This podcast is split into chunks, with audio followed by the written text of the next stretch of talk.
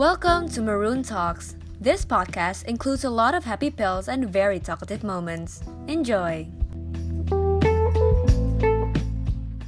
Halo semuanya, kembali lagi di Maroon Talks bersama gue Adani. Nah, di Maroon Talks kali ini, sesuai dengan tema yang bakal gue obrolin, mungkin kayak kalian bingung kali ya kenapa gue ngungkit topik ini, tapi kayak topik ini sebuah topik yang menarik banget buat gue ngungkit karena banyak nih yang kayak mikir apa sih perbedaan dari dua daerah ini dan terutama udah ada mahasiswa baru kali ya, jadi kayak kita mau ngasih spill-spill dikit. Sebenarnya di Unpad itu ada beberapa daerah sih yang dipilih gitu kan. Nah, tapi tentu aja di Maroon Talks kali ini gue nggak sendiri, gue ditemenin oleh dua orang narsum yang mungkin cukup ahli ya dengan daerah-daerah Unpad ini. Boleh banget kenalan. Di sini ada Mas Azri. Halo Mas Azri. Halo, halo ada nih. Oke. Perkenalkan saya Azri dari Unpad Kanan. Aduh. Oke. Oke, di sini mungkin kalau dari Unpad kanan berarti ada Unpad kiri. Di sini ada Rizal, boleh banget nih lo perkenalkan diri. Halo semuanya, eh, gue Rizal, gue dari Unpad Kiri, tepatnya di Olympus, soalnya daerah tinggi banget. Oke, oke.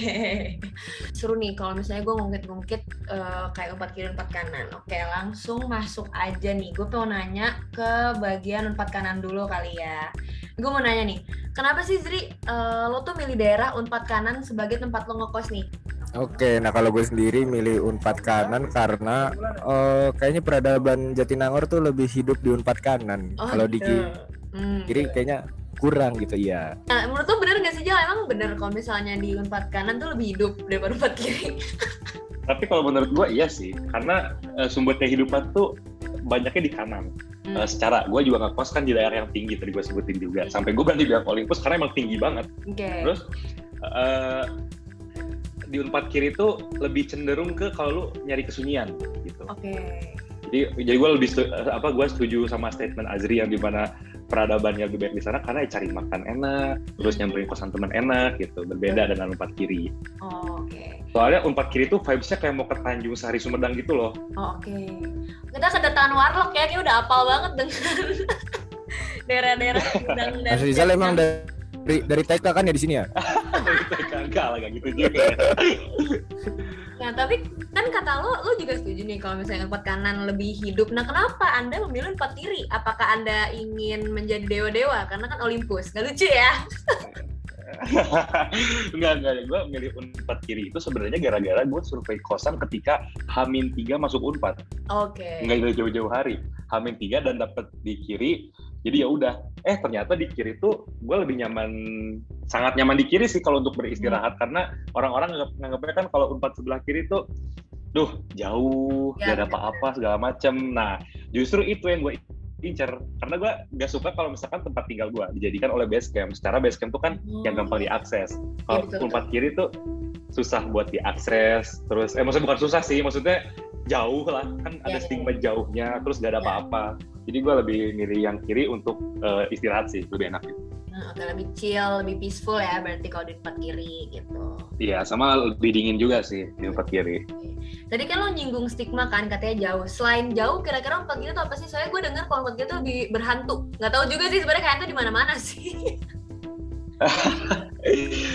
dibilang berhantu sih ya saya sudah mengalaminya tiga kali malah di kosan udah tiga kali tapi kayak ya udahlah mereka juga hidup kan berdampingan sama kita gitu Hmm. Oh oke, emang sejajar ya han- hantu dengan kita. iya emang sejajar Kayak seru nih kalau playgroundnya sama gitu Kenapa kenapa?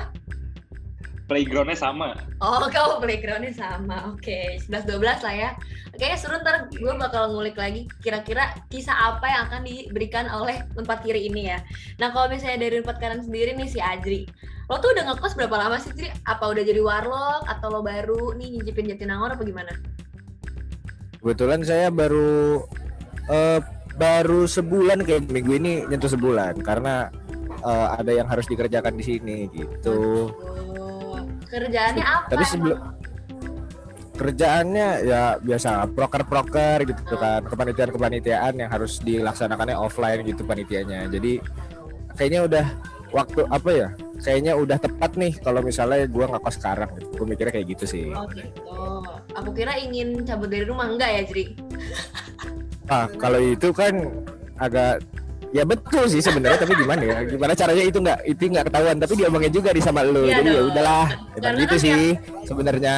Ya bisa aja kan kalau promosi Maruntok sampai nyokap bokap lo mungkin jadi mengetahui ya sebenarnya tujuan dari anak itu ngapain ke Jatinangor. Nah kayak tadi kan gue pengen ngomongin kisah kos-kosan ini kan. Nah kalau misalnya dari aja selama sebulan ini kira-kira lo tuh udah ngerasain apa aja sih kayak di Jatinangor tuh kayak gimana? Especially kan lo di Unpad kanan kan kayak lebih rame atau gimana gitu.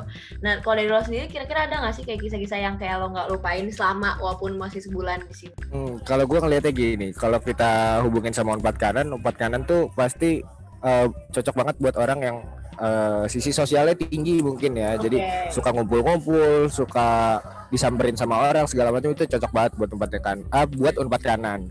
Nah, hmm. kalau buat kejadian uniknya apa ya? Eh uh, gue bukan termasuk orang yang spontan. Okay.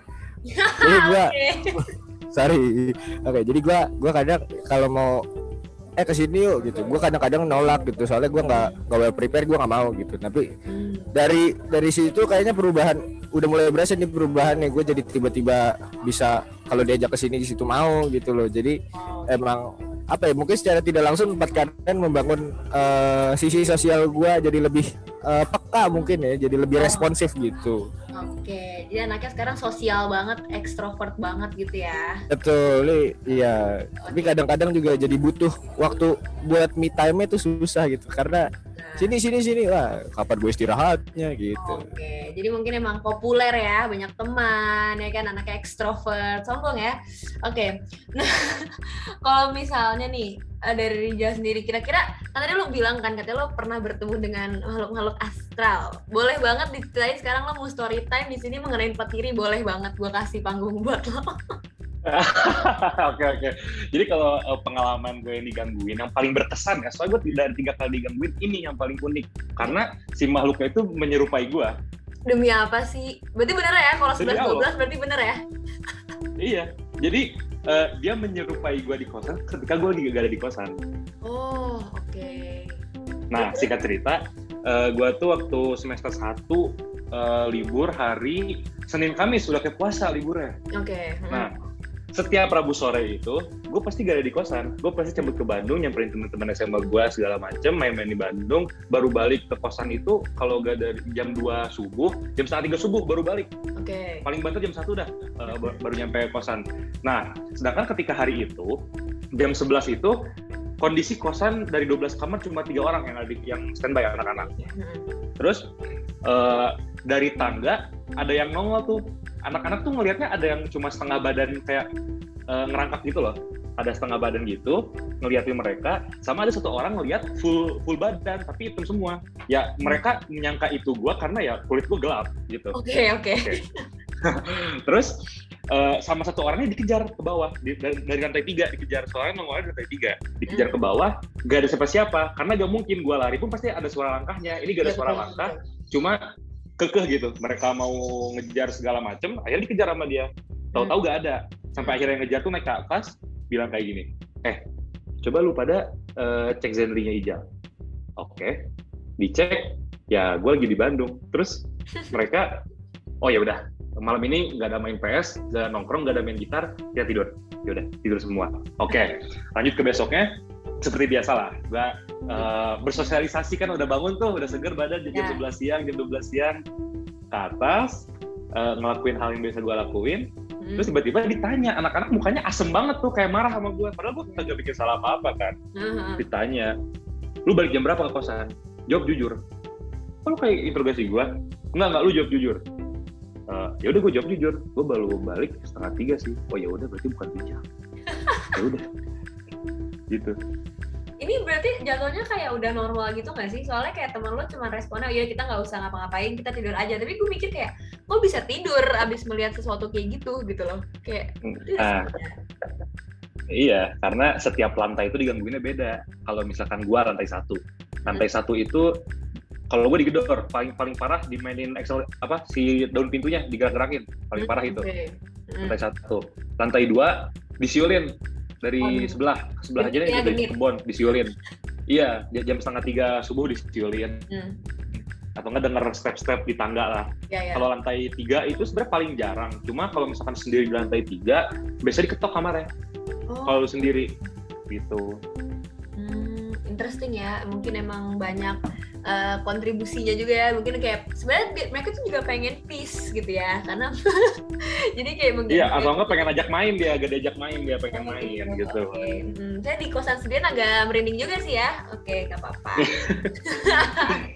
nah tapi uh, berarti kan kalau misalnya ngomongin kayak gitu, kira-kira kayak lo pertama kali nih, gue menurutnya pas lo jadi maba aja, itu kayak lo tuh gimana sih? Lo kan pasti kan lo kaget dong, kayak anjir Iya. di ini nih ada gini-gini gitu. Nah lo kayak gimana? Apakah langsung cabut kah? Atau lo kayak apa namanya kayak dia ya ya udah diem aja, gue harus terbiasa dengan ini semua gitu. Nah, kalau gua nggak diem, gua malah kayak gue ngomongnya kayak gini kan kan tadi gue sempet bilang gue digangguin eh, daun eh si apa daun pintu digerak-gerakin. Hmm. gue cuma bilang kayak gini kondisi gue lagi ngejar deadline tuh. Ya gue kesel kan digangguin. Gue bilang kayak gini aja. Gue taruh laptopnya gue bilang kayak gini. Eh, bahasa Sunda dulu ya. Oke. Maneh kalau pengen main ke sini main aja. Asal jangan ganggu Aing. Aing lagi eh, ngejar ngejar deadline.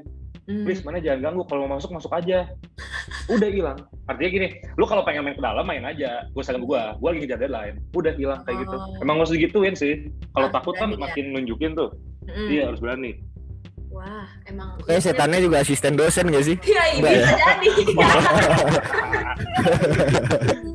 Mungkin setannya harusnya lo bilang gini, lo kalau mau ke sini mendingan ngerjain tugas gue gitu, boleh nggak sih? Jadi kan ada gunanya iya ya. kalau kalau open joki lah Iya, open boleh. joki lu mau main mau tidur silakan silakan pakai pakai pakai pakai Seenggaknya simbiosis mutualisme gitu ya. Betul. Kan gak Iya. ganggu jadi parasit. Gak bisa ya. ya atau ngob Betul banget sih. bantu nugas atau apa kek Mm-mm. ngajak ngobrol gitu jangan ngajak ngobrol sih ngeri juga ya Iya sih, kalau ajak ngobrol kan takutnya eh, yang kalau cloningan lo mungkin bingung ya, kok ngobrol sama diri sendiri, tapi ada orangnya gitu Iya. kan. langsung muncul meme yang Spiderman yang tunjukkan gitu aduh Waduh. bingung kan kalau kayak gitu Iya betul. Aing saha saha maneh gitu kan bingung Iya ya dibolak-balik gitu ya.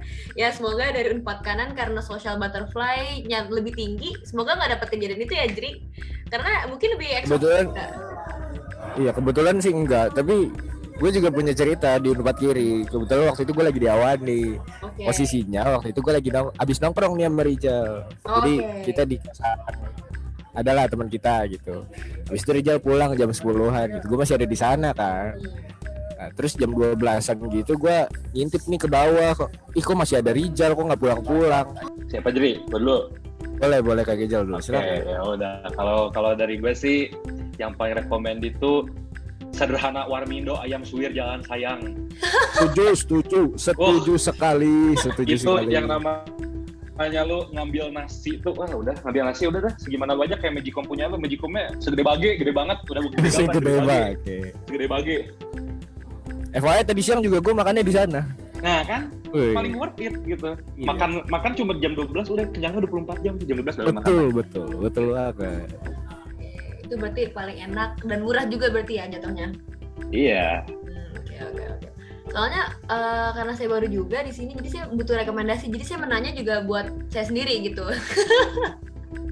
bagus bagus bagus. Nah kalau misalnya di Unpad kiri kira-kira kan katanya jauh kan dari mana-mana. Kira-kira ada nggak sih di jauh? kalau dari unpad kiri gimana ya gue kalau sama anak-anak eh, kosan gue nyari makan ya ke kanan lagi turun lagi ke bawah gitu Hmm, hmm, jadi tidak ada rekomendasi yang betul-betul lah hmm, betul. paling ya mie ayam Indomaret eh, di apa ya sebelah kantor kecamatan Oh, sebelah kantor kecamatan Jatinangor tuh ada mie ayam itu enak juara re- recommended lah gitu hmm, hmm, hmm. Berarti kalau misalnya Unpad kiri nggak bawa kendaraan agak susah ya jatuhnya ya nggak sih? betul Hmm, oke. Saya sering dengar sih ada sesuatu yang kayak kayaknya nggak bisa naik kendaraan yang umum gitu loh kalau empat kiri dengan mobil iya. doang sih gitu. Aku nggak tahu sih aku kan Tapi- kanan. Kenapa? Ya, tapi kayak- kayaknya ada alternatif ya kalau misalnya nggak punya kendaraan. Apa tuh? Emang Harus punya temen, harus punya temen yang punya kendaraan gitu. Nah, nah betul banget Tri itu itu sangat menguntungkan buat orang-orang yang ke Unpad kiri gitu kosannya. Sangat amat dibutuhkan lah pokoknya. udah, udah pengalaman ya wala- walaupun cuma be- beberapa hari ya jadi Betul karena waktu itu saya saya juga pernah nih eh, semingguan saya numpang di kosannya Kang Ijal. Oh begitu, oke. Betul. Jadi ya ya oh gini ceritanya ya kalau misalnya nggak punya kendaraan tuh susah. Untung waktu itu lagi bawa mobil. Tapi kalau misalnya gue lagi cabut nih yang di kosan nggak punya kendaraan, bingung mereka mau ke mana karena terisolasi jauh dari mana-mana gitu kayaknya kalau empat kiri tuh kasian ya kasian tapi uh, terima kasih juga uh, buat Ajri karena walaupun saya beberapa hari saya juga sering kirim makanan naik kendaraan ya terima kasih ya Iya. Emang susah sih.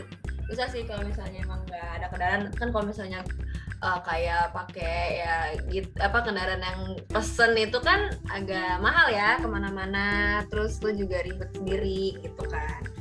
Nah kalau misalnya dari um, semua cita-cita yang lo pernah lakuin ini kira-kira lo merekomendasi nggak sih orang-orang ke unpad kiri. Boleh deh gue pada unpad kiri dulu nih kayak soalnya orang-orang pasti kayak banyak stigma kan. Tapi lo merekomendasikan nggak kira-kira dari unpad kiri? Kalau gue sih sangat uh, tidak apa ya merekomendasikan cuma tidak sangat merekomendasikan ya. Cuma recommended kalau misalkan lu ngincer tempat istirahat yang benar-benar buat istirahat. Bukan kayak ya buat undang teman segala macam soalnya gue pun uh, gara-gara jauh ke bawah gue malah lebih bonding sama anak-anak kosan. Oh, oke. Okay. gitu bondingnya masih ke bawah sampai sekarang kan itu uh, teman-teman kosan gue ada yang dari Jakarta ada yang dari Medan kalau misalkan gue ke Jakarta gue nginep di rumah-rumah mereka lagi gitu jadi hmm. enak lah kayak gitu Hmm, iya sih enak soalnya jadi kayak nggak dapet yang di kanan tapi di kiri juga lebih deket gitu ya. Nah kalau misalnya dari nah, kayu sendiri, kira-kira lo rekomendasiin nggak? Soalnya kayak gue rasa-rasa kayak lo bakal rekomendasiin sih dan orang-orang juga pasti bakal milih empat kanan. Tapi gue pengen nanya sama pribadi lo sendiri, lo merekomendasikan nggak nih kira-kira daerah itu? Oke, nah kalau gue sendiri sebenarnya gini, gue ngambil unpad kanan tapi kamarnya yang agak gede nih dibandingin sama kosan-kosan lain. Okay. Jadi kalau misalnya itu buat ngumpul-ngumpul bisa, tapi itu juga bisa apa ya, bisa bisa nyaman nih buat lu sendiri. Kalau gue kan termasuk orang yang gue nyari kosan itu bukan buat tidur doang, tapi gue bakal tinggal di sana gitu loh. Okay. Gue bakal beraktivitas di sana. Jadi eh uh, ya unpad kanan sebenarnya bisa juga bisa juga kalau misalnya buat lo yang apa mau menyendiri dan segala macem gitu hmm. tapi mungkin pemilihan kosannya gitu ya kalau kayak gua nih asik gua promosi kosan boleh, gua boleh boleh boleh silakan promosi kalau gua kan di rumah bata jadi tuh hmm. tapi ini kalau yang denger ada yang cewek-cewek sorry banget soalnya ini khusus cowok doang gitu dan okay. sedikit islami lah sedikit banyak islami okay. kayak pagi-pagi pasti disetelin tilawah dan segala macem gitu kayak oh, tapi okay. gimana si islami itu yeah. tadi aja pas tadi aja pas sore gue balik dari balik makan kan dari sederhana. Ada yang ngaji itu di di depan. Wah alim-alim banget itu hmm. di kosan gue gitu sih. Jadi gimana gimana lu milih kosan ya sih? Empat kanan cocok banget buat lu yang suka bersosialisasi terus juga sebenarnya bisa kalau misalnya buat me time dan segala macam asal pemilihan kosannya yang bener aja gitu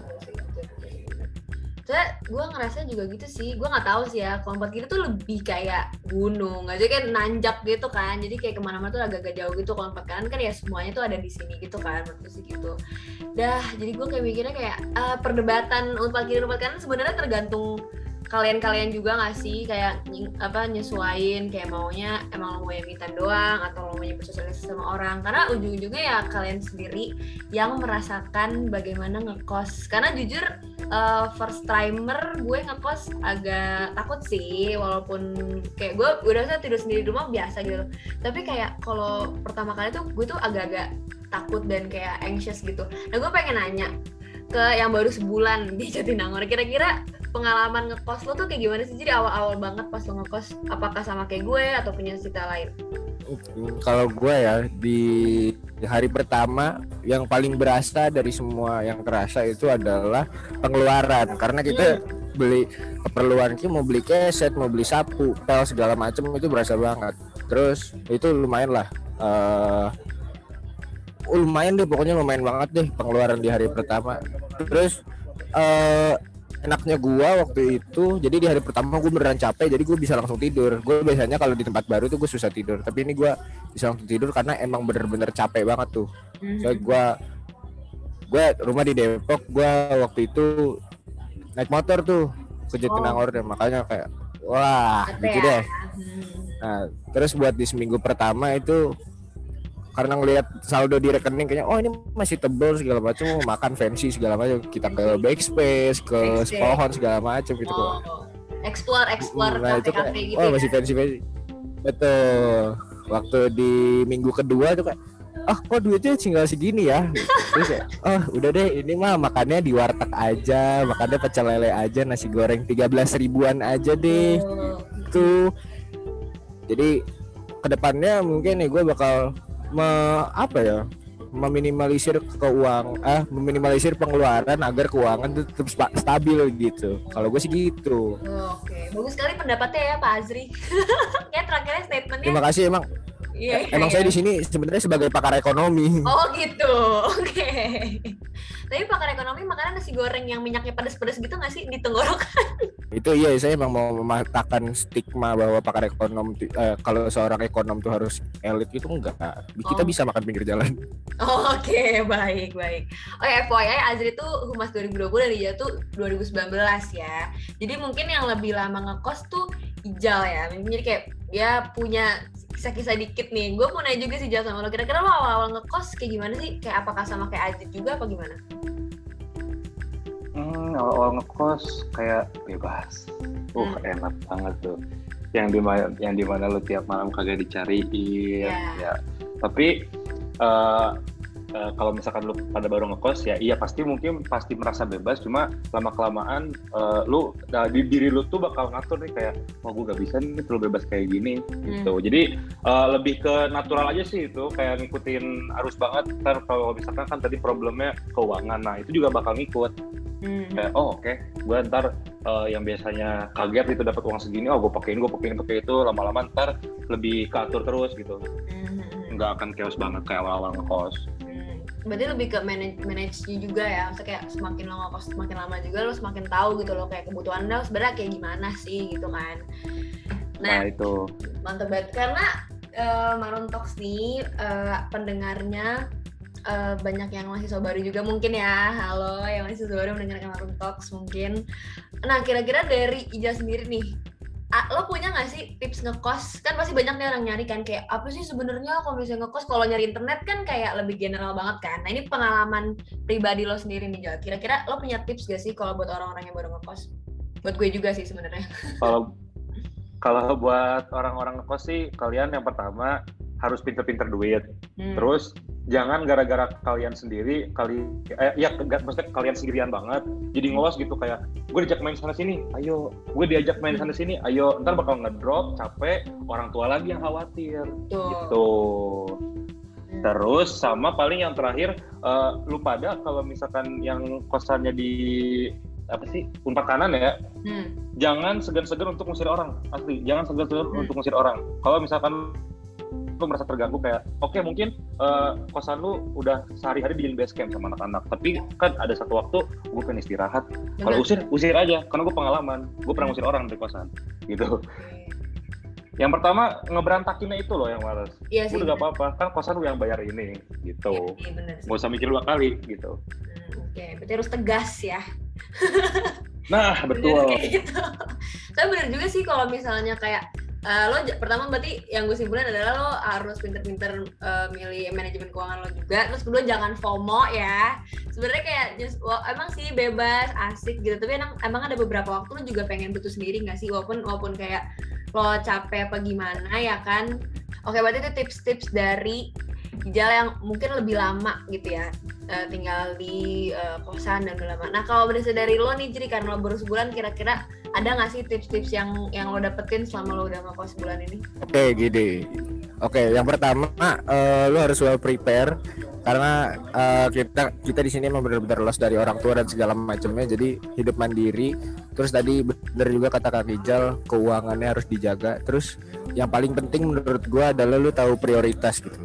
Hmm. Jadi di Nangor nih kalau misalnya lu udah ngekos bener-bener mandiri lu banyak banget nih distractnya lu bisa tiba-tiba diajak main ke A B C D gitu. Nah, jangan sampai eh, misalkan ada tugas-tugas nanti kelewat, misalnya ngambil kepanitiaan ada rapat tapi ngelos dan segala macam. Sebenarnya ini juga kritik buat gua di, gua gue sendiri sih, soalnya gue merasakan itu dan berimpact ke tanggung jawab yang udah gue ambil gitu jadinya. Jadi emang harus bener-bener apa namanya eh ya prioritas tuh harus di di apa ya dibikin listnya gitu loh oh, minggu ini gua ada ini ini ini berarti gua Benar.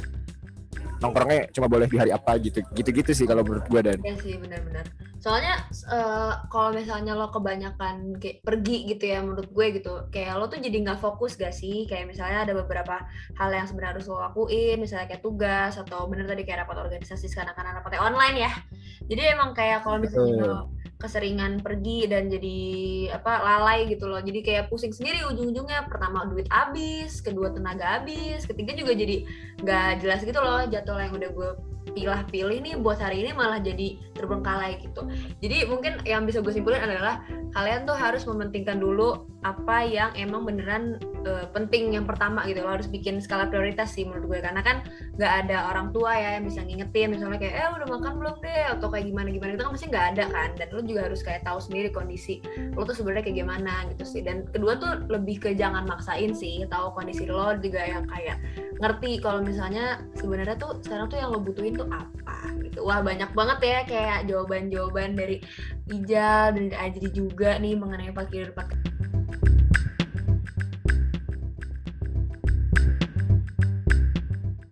Ah, nggak kerasa ya, udah mau hampir setengah jam nih kita berbicara-bicara, berbincang-bincang dengan narsum kita kali ini udah empat kanan, Azri dan Ijal. Makasih banget sudah datang ke Maroon Talks kali ini karena topik kali ini tuh kan seru ya dibahas kayak sebenarnya uh, pengalaman mereka berdua seperti apa, terus sebenarnya uh, unpad kiri dan unpad kanan tuh kayak gimana gitu kan. Terutama tadi juga ada tips-tips dari mereka berdua nih untuk kalian yang baru-baru ngekos atau uh, mungkin tips baru juga ya kalau misalnya yang udah ngekos tapi baru denger tips ini gitu.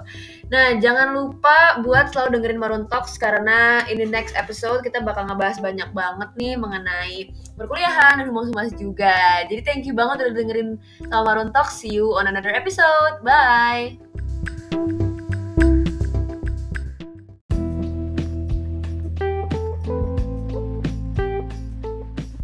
Thank you for listening to Maroon Talks. I hope you enjoyed today's podcast.